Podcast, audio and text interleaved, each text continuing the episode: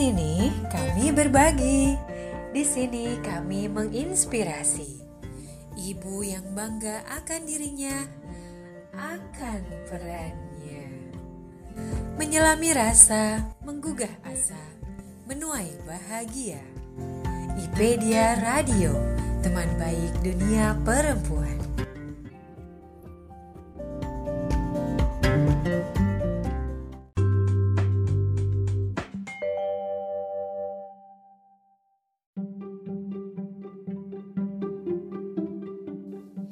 Menjadi seorang ibu sekaligus sebagai makhluk sosial membutuhkan adaptasi dan beragam ilmu agar semua peranan dapat berjalan serasi dan seimbang.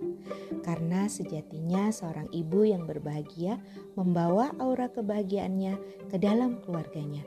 Kita simak obrolan inspirasi dalam Kata Hati episode ke-60 Manajemen Rumah Tangga dan Bahagia Berkomunitas bersama seorang ibu ranah pabrik Nur Laila dari Samarinda hanya di IPedia Radio.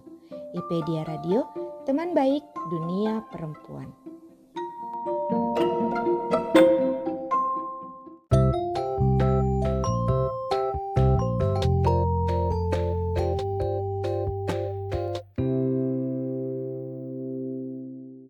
Halo, Assalamualaikum. Waalaikumsalam Teh. Alhamdulillah. Gimana nih kabarnya nih Mbak? Alhamdulillah sehat. Teteh sendiri gimana Teh? Alhamdulillah. Nih, uh, hari ini kita bakalan ngobrolin soal mana manajemen waktu Ibu bekerja. Uh, Mbak cerita, uh, sejak kapan sih Mbak uh, milih untuk bekerja di ranah publik? Kalau bekerja di publik, sama sih menurut uh, orang tua ya Teh, kan kalau hmm. orang tua zaman dulu berpikirnya uh, selesai sekolah, kuliah, ya mencari pekerjaan, ya manut gitu aja sih Teh, gitu loh, manut gitu aja. Nah, kebetulan sih berpindah kota dari tempat kelahiran, karena kan hmm. bekerjanya sekarang di ya sekitar uh, tiga jam perjalanan sih teh dalam kalau kalau kondisi normal waktu belum ada tol kalau sekarang sudah ada tol kan udah jadi dua jam aja dia kerjanya mulai dari selesai kuliah kebetulan dapat suami di tempat kan kantor yang sama gitu loh teh. Oh, berarti gitu. lagi kuliah uh, gitu ya? Enggak, pokoknya selesai kuliah sempat uh, cuma nganggur berapa bulan terus kan kebetulan uh, eh, PNS teh jadi ikut tes PNS oh. gitu. Jadi begitu keterima ya udah langsung kerja di Samarinda gitu teh. Oh gitu. Lumayan berapa tahun Kak kerja? Ya, sekitar mungkin ada ya kurang lebih 15 tahun dan nah teh. Oh, luar biasa ya udah lama sekali dan di satu tempat Mbak atau berpindah-pindah? Enggak, di satu tempat karena kan kebetulan PNS-nya di situ jadi ya udah nggak nggak pindah-pindah situ aja. Oh gitu. Ya jadi uh, teman-teman perlu diketahui juga bahwa Mbak Laila ini uh, bekerja di kesehatan ya Mbak ya? Sebenarnya kalau instansinya itu UPT di bawah Kemendikbud teh, bawah hmm. Kemendikbud di Lembaga Penjaminan Mutu Pendidikan Kalimantan Timur hmm. di Provinsi Timur. Tapi hmm. karena saya latar belakangnya kesehatan, jadi ditempatkannya hmm. itu memang di bagian pelayanan kesehatannya. Oh gitu, iya iya iya. Mana sih Mbak, e, kan setelah 15 tahun lumayan lama nih, pasti belajarnya juga nggak sebentar soal manajemen waktu ini nih. Yang diterapkan nih kayak gimana nih Mbak? Kalau manajemen waktunya ini, ya sih awalnya saya mau disclaimer dulu nih Teh, karena pertama di rumah kondisinya kebetulan ada ibu mertua gitu kan, ada hmm. ibu mertua. Uh, jadi kebetulan beliau itu tipikal orang yang uh, suka memasak di dapur apa segala macam. Beliau sudah sekitar berapa tahun ya? Ada beberapa tahun itu memang udah tinggal di rumah sama-sama kami. Kalau dulu awalnya beliau kan uh, ada di tinggal di rumah sendiri. Jadi biasanya saya pulang kerja, beliau pulang ke rumahnya. Kan, tapi karena sudah hmm. sepuh daripada pulang balik, akhirnya beliau tinggal di rumah kami. Tapi nggak satu rumah sih teh, cuman beda beda uh, saya di rumahnya di depan, kalau ibu di rumah belakang gitu aja sih. Cuman ya hari-harinya pasti di rumah saya. Jadi uh, beliau untuk yang urusan kayak memasak apa segala macam tuh beliau di rumah. Terus kalau untuk yang kayak mencuci, menstrika itu saya memang delegasikan ke orang teh. Jadi oh. pagi itu kita uh, setelah anak-anak karena kebetulan anak saya tiga kan teh ya, yang mm -hmm. satu sudah SMA, yang nomor dua sudah kelas 6, yang paling kecil kan kelas 1. Paling yang fokus kalau misalkan untuk menyiapkan sekolah atau apa kan yang kelas 1. Kalau yang kan sudah bisa mandiri gitu ya Teh. Sudah yeah. bisa mandiri. Jadi yeah, paling jauh, yang jauh, ya. Uh, jadi kalau jauh-jauh yang besar-besar itu kan paling saya hanya sih hanya tinggal ngontrol aja terus nanti kan mereka misalkan membutuhkan apa-apa kan cuman bisa mengkomunikasikan gitu nah teh paling yang perlu difokuskan cuman ke yang kecil aja kayak nemenin belajar apa segala macem. hmm gitu. Nah, kalau misalkan yang penting ya fokusnya ke yang kecil aja. Kalau yang besar kan selama pandemi ini paling dipantau misalkan tugas sekolah atau apa segala macam kan lewat WhatsApp grupnya kan udah ketahuan tuh tugas-tugasnya mm -hmm. apa segala macam. Ya kalau pulang kerja ya udah fokus ke mereka aja dulu apa yang sekolahnya bagaimana yang ngobrolnya gimana gitu aja jadi kalau untuk kerja uh, pekerjaan rumah kan uh, hmm. saya sih paling sekedarnya saja gitu teh misalkan kalau memasak saya misalkan tidak cocok dengan masakannya ibu mertua buat ya kita masak sendiri itu aja hmm. kan udah simple aja ya jadi makanya saya, saya disclaimer dulu karena kan belum tentu mungkin ada teman-teman yang di ranah publik tapi dia hmm. pulang bekerja masih handle di rumah domestik yeah, kan yeah Mm-hmm. Kalau saya sih karena sudah ibaratnya setrika, sudah ada yang bereskan, sudah apa. Jadi saya fokus ya pulang kerja ya sama anak-anak, bagaimana mm-hmm. sekolahnya, ya terus waktu luang lainnya ya di komunitas itu teh gitu loh. Hmm, kayak gitu, iya ya. Jadi memang ketika memang kita belum bisa menyelesaikan itu ya tidak apa-apa ya didelegasikan. Karena gini mbak, kadang uh, ada yang terjebak bahwa ya seorang istri emang harus bisa ngerjain semuanya kayak gitu. Padahal ternyata uh, ada solusi lain loh kayak gitu ya. Ya, nah tapi itu ini juga sih teh, alhamdulillahnya. Kalau awalnya sih saya termasuk tipe kalau orang yang berpikirnya itu superwoman gitu nanti kita harus bisa ngerjain semua. Kayaknya hmm. semua perempuan itu pasti begitu ya awalnya teh gitu.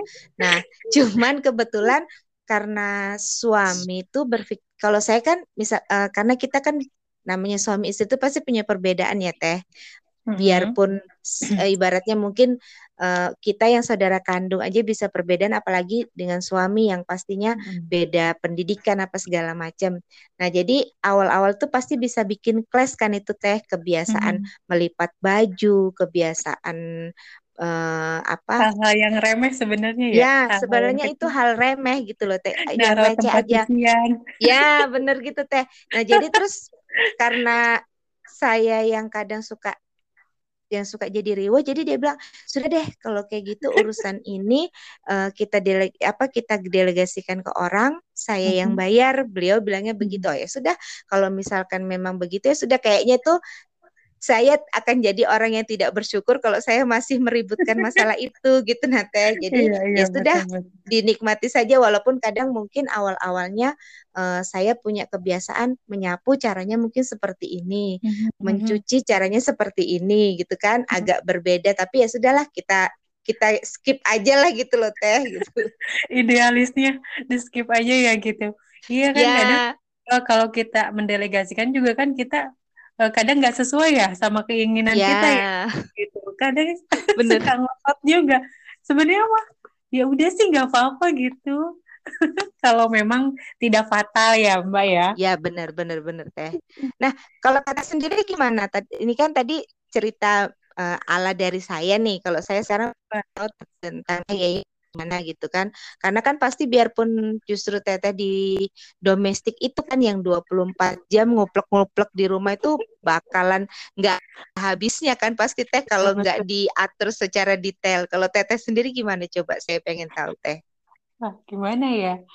Ya sih kalau saya memang sedang meraba rasa gitu. Jadi kalau sekarang uh, di stepnya itu masih di step meraba-raba nih kayak gitu. Jadi uh, kalau saya sekarang udah mulai apa ya uh, nggak uh, usah terlalu berekspektasi tinggi mungkin kalau kan anak-anak saya masih kecil juga ya mbak ya jadi masih yang paling gede masih usia tujuh tahun gitu kan dan yang kedua baru lima tahun dan yang ketiga uh, dua tahun. Jadi uh, kalau pengen rumah rapi itu susah. Nggak mungkin teh. Iya bener. Belum lagi bawa teman-temannya kan ke rumah ya ya. Allah luar biasa. Aku kadang sampai nyesek sendiri baru juga diberesin ya.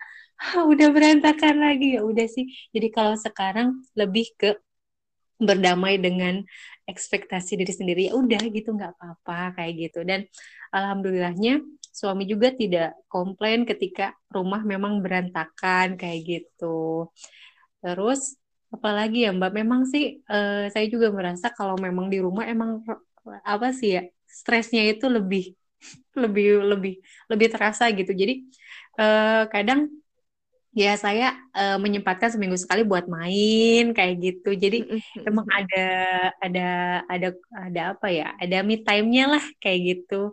Biar nggak terlalu bosan di rumah kayak gitu sih gitu kalau soal manajemen waktu kalau sekarang karena polanya udah offline lagi ya itu ya sekolahnya jadi memang kemarin-kemarin agak kelelahan karena harus antar jemput kayak gitu. Tapi kalau sekarang memang sudah mulai terpola. Oh, jadi jam segini jam segini harus udah beres ini ini kayak gitu. Gitu sih, oh, Mbak. Iya. Hmm. Kalau Teteh antar jemput sekolah gitu Teteh yang handle semua gitu ya? Iya, gitu. Kadang kalau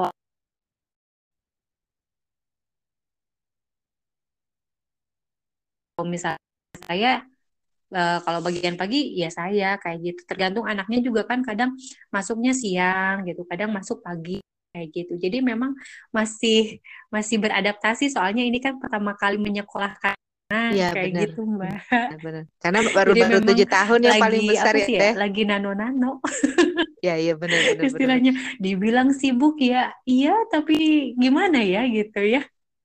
Kalau Tasik kalau di Tasik oh, udah iya, mbak. udah aku mau nanya hmm sekarang ada di uh, perkuliahan bud ya uh, gini nih aku mau nanya mbak kan sekarang udah ngikutin kuliah perkuliahan Bunda Saleha ya? Berarti udah dilewati nih Bunda sayangnya juga udah dilewati ini sebenarnya uh, apa sih yang mbak rasakan sebelum dan sesudah ikutan uh, perkuliahan ibu profesional? Hmm, banyak ya teh.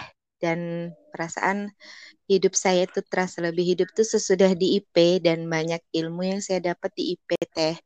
Uh, walaupun dulu pendidikan kan saya hanya D3 ya, pasti hmm. minder itu ada jadi kalau saya itu misalkan teman-teman yang awalnya di ranah domestik dia merasa minder itu saya bisa memahami karena saya juga pernah ada di titik itu teh gitu loh.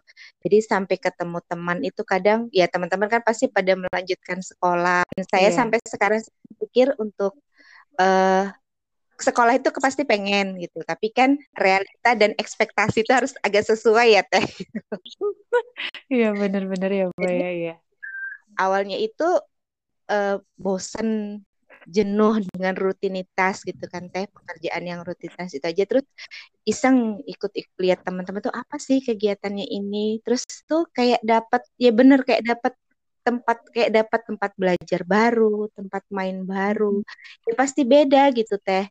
Ya memang awalnya itu banyak yang di luar perkiraan kita. Aduh, kok harus ada tugas, harus ada begini, harus begitu pasti teman-teman juga yang awalnya matrikulasi Bunda Sayang tuh bisa jadi ada di tahapan itu. Tapi kan uh, seiring berjalannya pemberian materi terus lama-lama itu saya berpikirnya ya sebenarnya apa yang di IP tuh sama seperti dengan kehidupan kita gitu nah teh masalah hmm, itu gitu. pasti ada. Tantangan hmm. itu pasti ada. Itu ya tergantung kita aja gitu loh gimana berpikir kita ya Mungkin kalau tantangannya di perkuliahan bisa jadi harus ada tugas. Di pekerjaan hmm. pun begitu juga kan teh kita harus ada hmm. pekerjaan yang harus dikerjakan harus ada deadline yang harus dikerjakan harus ada tujuannya tugasnya apa jadi sebenarnya sama aja jadi kalau saya sih dibilang perbedaan sebelum saya ikut IP sama sesudahnya itu berbeda banget teh gitu loh jadi seperti apa ya e, semangatnya itu lain gitu nah teh memang sih kadang di kepala itu kayak orang kurang kerjaan banget gitu ya sudah hektik di rumah di pekerjaan. Hmm. ngapain coba ikut di komunitas gitu loh. Belum lagi teteh mungkin kayaknya pengurus juga kan gitu loh. Teteh kayak membantu pengurus juga. Pasti kan kita kadang tuh terpikir kok kayak nambah-nambahin kerjaan? gitu tapi awalnya eh, udah iya. dilakuin aja pelan-pelan. Terus kita ketemu banyak teman. Ketemu teman tuh kan kita ketemu cerita yang berbeda ya kan teh kalau misalkan kita yeah, iya. sendirian kan kita berpikirnya kok kayaknya hidupku kayak gini banget gitu ya. Tapi nanti kita ketemu sama orang kan dia punya cerita, oh ternyata dia punya masalah yang lebih besar dari kita. Itu kita bisa bersyukur. Jadi begitu kan. Jadi kalau saya dibilang jadi kalau saya dibilang itu berpikirnya itu pasti sampai akhirnya Bu Septi kan pernah menyampaikan pasti Allah itu punya maksud kenapa kita harus mm -hmm. bertemu individu A Kenapa kita mm-hmm. harus bertemu itu B? Saya akhirnya bilang, oh benar juga sih. Jadi kalau sekarang tuh, oh ya sudah, kalau waktunya senang, ya dinikmati kesenangannya itu. Kalau waktunya sedih, ya kita nikmati aja. Oh ya namanya hidup itu kan ada waktunya sedih, ada waktunya senang. Kalau punya project, terus pengennya ekspektasinya 100%, ternyata nggak nyampe, hanya 80%. Oh ya berarti itulah yang harus kita terima segitu ya kita nanti kalau kami itu ada namanya file selebrasi ya teh nanti teteh mungkin kalau sudah di buncek atau di bunpro pasti tahu berarti kita hmm. oh, bukan berarti kita merayakan kekalahan atau kesalahan bukan tapi itu kan waktunya kita oh berarti memang ada yang salah sama kita kerjakan kemarin itu waktunya kita untuk introspeksi diri apa sih yang hmm. salah kemarin nggak usah hmm. nengok ke belakang tapi itu kita hmm. jadikan berpikir untuk kita jalan ke depan lagi. Jadi kalau saya tuh ditanya apa sih IP gitu kan, wih bagi saya tuh ya IP tuh ya tempat belajar baru, keluarga baru, semangat baru. Pokoknya nggak bisa diceritakan gitu nate. Walaupun kadang ya, aduh kok gini-gini amat sih ya gitu. Tapi ya, ya wes dilakukan aja. Pasti teteh mungkin berpikir hari yang sama kan? Kalau sejauh ini, kalau teteh gimana coba? Masya Allah, luar biasa loh Mbak. Mbak emang bener-bener apa ya kelihatan gitu loh berbinarnya. Jadi kalau saya mungkin sedang di titik uh, ya sebelum Mbak sekarang lah kayak gitu. Kok kayak gini sih? Jadi masih oh lumayan ya ternyata ih kayak gitu. Cuma tadi kata Mbak dengar uh, kata Bu Septi kalau emang sesuatu itu nggak terjadi secara apa ya secara gitu-gitu aja tapi pasti ada maksudnya. Jadi saya lebih bersemangat loh mbak beneran saya, oh, saya iya, gitu. bahkan gini teh. Awalnya tuh uh, saya kan ikut di komunitas itu suami tuh suami tuh tipikal orang yang bukan mendukung, bukan juga melarang. Artinya mm -hmm. itu begini, kalau kamu memang memi uh, dia serahkan ke saya, kamu pasti tahu memilih mana yang baik, mana yang enggak gitu kan teh. Yang penting mm -hmm. jangan sampai itu pilihan yang kamu ambil terus nanti riuh sama pekerjaannya tugasnya itu kamu jadi uring-uringan di rumah gitu kan teh walaupun memang ada di tahap itu pernah gitu loh teh ada di tahap itu sampai sampai di tahapan sekarang beliau tuh bisa bilang begini uh, saya akui dia bilang bahwa dengan kamu bergabung di IP banyak hal yang sebelumnya itu malah dia tidak pernah melihat itu di diri saya. Dia sampai mengakui ternyata memang benar kamu jadi lebih berbinar-binar. Itu memang dia benar tadi jadi suami saya tuh sampai menyampaikan seperti itu. Karena kan kadang mungkin uh, postingan-postingan saya di kepo mungkin teh ya atau gimana gitu kan yeah. saya kurang paham juga. Jadi dia bilang sampai uh, di satu titik beliau berkata begini, coba deh kamu itu uh, bisa total seperti kamu di ibu profesional. Kayaknya kamu kalau dikasih tugas di ibu profesional tuh kamu kayak bener-bener kamu tuh kayak bener-bener kamu gitu loh. Menurut saya sih biasa aja gitu Nate. Tapi kan kok beliau bisa menilai seperti itu, itu kan artinya uh, ada sesuatu yang saya pun tidak menyadari gitu kan teh. Sampai akhirnya sekarang dengan hadirnya pandemi itu kadang malah kita jadikan bahan obrolan teh. Loh kalau saya mm -hmm. di ibu profesional, ibu tuh ngajarkannya begini begini begini nih. Nah, suami saya kan mungkin dia berdasarkan pengalaman dia gitu. Oh, kalau saya begini begini begini. Nanti jadi oh oh ya sudah jadi akhirnya beliau tuh walaupun tidak secara uh, nyata mengakui bahwa oh iya memang di IP tuh kamu mengalami peningkatan. Tapi dengan beliau memberi support, dengan beliau bisa mengatakan seperti itu, kalau saya pribadi sudah menganggap berarti ada sesuatu yang berubah di diri saya gitu loh. Kalau saya sih berpikirnya seperti itu gitu loh teh. Kalau saya sih makanya kalau uh, apa kemarin itu aja baru ngobrol. Uh, sebenarnya saya pengen karena kan namanya saya PNS kan teh ya, pasti kan biasanya kan berpikir untuk kuliah lagi atau bagaimana karena kan nanti pensiunnya kan bisa jadi hanya kalau kita tidak sekolah lagi kan hanya sampai di pangkat ini aja gitu kan misalkan gitu teh. Jadi saya bilang uh, kalau saya ditanya sih saya kepengen kuliah saya bilang begitu. Tetapi uh, kan iya. pasti nominal biayanya ada ya teh gitu kan. Iya, Jadi iya. saya bilang seandainya cuman hanya untuk mengejar ijazah, saya bilang kayak gitu, hmm. kayaknya hmm. saya berpikir untuk saya untuk tidak kuliah lagi, saya bilang begitu. Hmm. Kalau hmm. hanya untuk fitrah belajar saya aja, saya bilang tuh, hmm. saya merasa dengan di IP saya punya banyak kesempatan belajar yang saya tidak pernah terpikir termasuk dengan podcast ini gitu loh teh saya itu dulu waktu zaman saya SMA beneran teh saya tuh berpikir gini asik ya kayaknya jadi penyiar gitu loh. Kayak oh, gimana gitu. ya supaya bisa jadi penyiar. Makanya saya bilang dengan kemarin dengan Mbak Indah itu kan uh, saya yeah. bisa dipanggil dapat kesempatan saya dengan Mbak Indah belajar itu sudah di luar perkiraan saya gitu nanti. Karena kemarin saya itu berpikirnya gini, uh, di target saya kan uh, di Bunda Salah saya tuh saya kepengennya jurnal saya bisa saya bikin pakai podcast. Tapi kan mm-hmm. saya tuh tidak punya ilmu di situ teh. Saya tidak belajar mm-hmm. di situ. Jadi kalau kita harus belajar lagi tuh kan harus spare waktu lagi gitu nah teh. Jadi yeah, saya iya, berpikir yeah, yeah, ah yeah. udahlah nggak usah saya bilang kayak gitu kan. Jadi sampai di jurnal mm. saya tuh saya tulis uh, bisa jadi mungkin yeah, di akhir Bunda Saleha uh, ada satu target saya yang tidak terpenuhi karena saya berniat untuk menulis jurnal saya di podcast gitu kan teh saya nulis oh. begitu tapi ternyata di perjalanannya itu tidak semudah ya itu gitu saya bilang gitu teh nah tapi saya tidak menyangka bahwa terus tiba-tiba kok ada oprek dari Mbak Indah Laras, terus hmm. saya kok tertarik mau ikut gitu. Nah, terus makanya saya tuh banyak nanya biasa karena saya bilang apa ini ya mungkin supaya saya tuh belajar podcast lagi, terus saya bisa. Jadi saya tuh kadang oh iya benar juga ya gitu. kayak dreams come true gitu loh ya. Padahal kita udah hampir nyerah gitu ya mbak ya.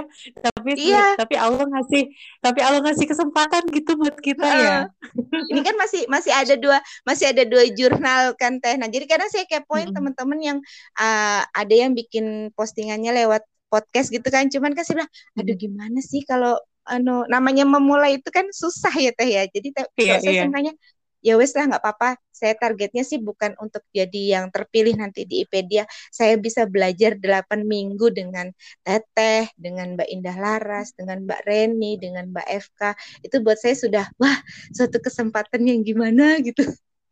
Keren deh ini. Ya bener ya Mbak. Kadang terkadang kita udah ada di titik apa ya kita bener-bener ah ngapain? Ah buat apa? Kayak gitu. Tapi ternyata Allah punya rencana lain. Dan itu uh, membuat kita justru semakin apa ya semakin bisa uh, iya jadi semakin bertumbuh cita kita kepada sang halik ya mbak ya? Oh, iya ternyata benar teh benar ya. jadi semangat jadi semangat gitu ya. Oh ternyata Allah itu uh, mau kayak begini gitu loh kayak gitu. Iya Seperti jadi itu. masya Allah luar biasa. Kalau dari teteh sendiri gimana coba kalau teteh? Kalau saya sebenarnya lebih lebih ke alhamdulillah jadi saya lebih menyadari uh, maknaan hidup. Jadi ketika uh, saya memang sedang dalam kondisi misalnya enak hati, mm-hmm. menyerah, saya tahu dengan kondisi itu dan saya menerima kayak gitu. Dan dan ya sudah tidak apa-apa, nikmati saja dan apa sih lanjutkan kayak gitu itu akan berlalu dan akan bersambung dengan kebahagiaan-kebahagiaan lain di depannya kayak gitu. Jadi kalau saya semakin ke sini semakin bisa menerima uh, perasaan saya, emosi saya dan itu gak apa-apa. Soalnya sebelumnya yang saya rasakan ketika saya saya tidak bisa menerimanya dan saya tidak bisa mentoleransinya gitu Just, dan justru itu malah membuat harga-harga kacau jadi riuh gitu. tambahan teh ya jadi jadi tambah rewel gitu. Apalagi uh, melihat anak-anak dengan target-target saya yang belum tercapai. Jadi wah luar biasa. Saya juga memang masih masih terus belajar yang kayak kemarin tuh yang di IPedia yang tentang mami burnout. Ya uh, mm, yang itu saya dengerin. Oh bener ya. Jadi ternyata uh, apa sih kita bisa bahagia dengan ketidakbahagiaan kita gitu. Tetapi dengan kita menyadari ketidak gitu loh mbak Ya, Dan bener, saya, bener, bener. oh seperti itu ya bisa ya gitu. Jadi mau apa pun ya kita tetap bahagia gitu. Kalau misalnya kita lagi sedih ya kita tetap bahagia karena kita tahu bahwa kesedihan itu memang adalah salah satu step yang harus kita lewati kayak harus gitu. dilewatin. Ya, benar benar iya, benar. Tepuk tangan untuk kita berdua Teteh. Oh, gitu. saya senang sekali nih bisa dipertemukan dengan Mbak Laila ini. Sama-sama uh, Teteh, baru... saya juga senang. baru pertama kali dan masya Allah banyak sekali hal yang bisa uh, saya ambil dari ngobrol kita kali ini. Terima kasih sudah mau uh, ngobrol bareng di program Kata Hati ini. Semoga uh, kita semakin baik ya Mbak ya.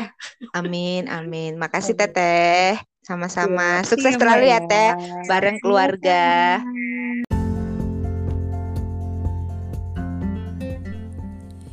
Yap, teman baik, itulah bincang kita hari ini. Semoga bermanfaat dan menginspirasi ya. Tunggu episode Kata Hati berikutnya. Jangan lupa tetap stay tune di IPedia Radio, teman baik dunia perempuan. thank you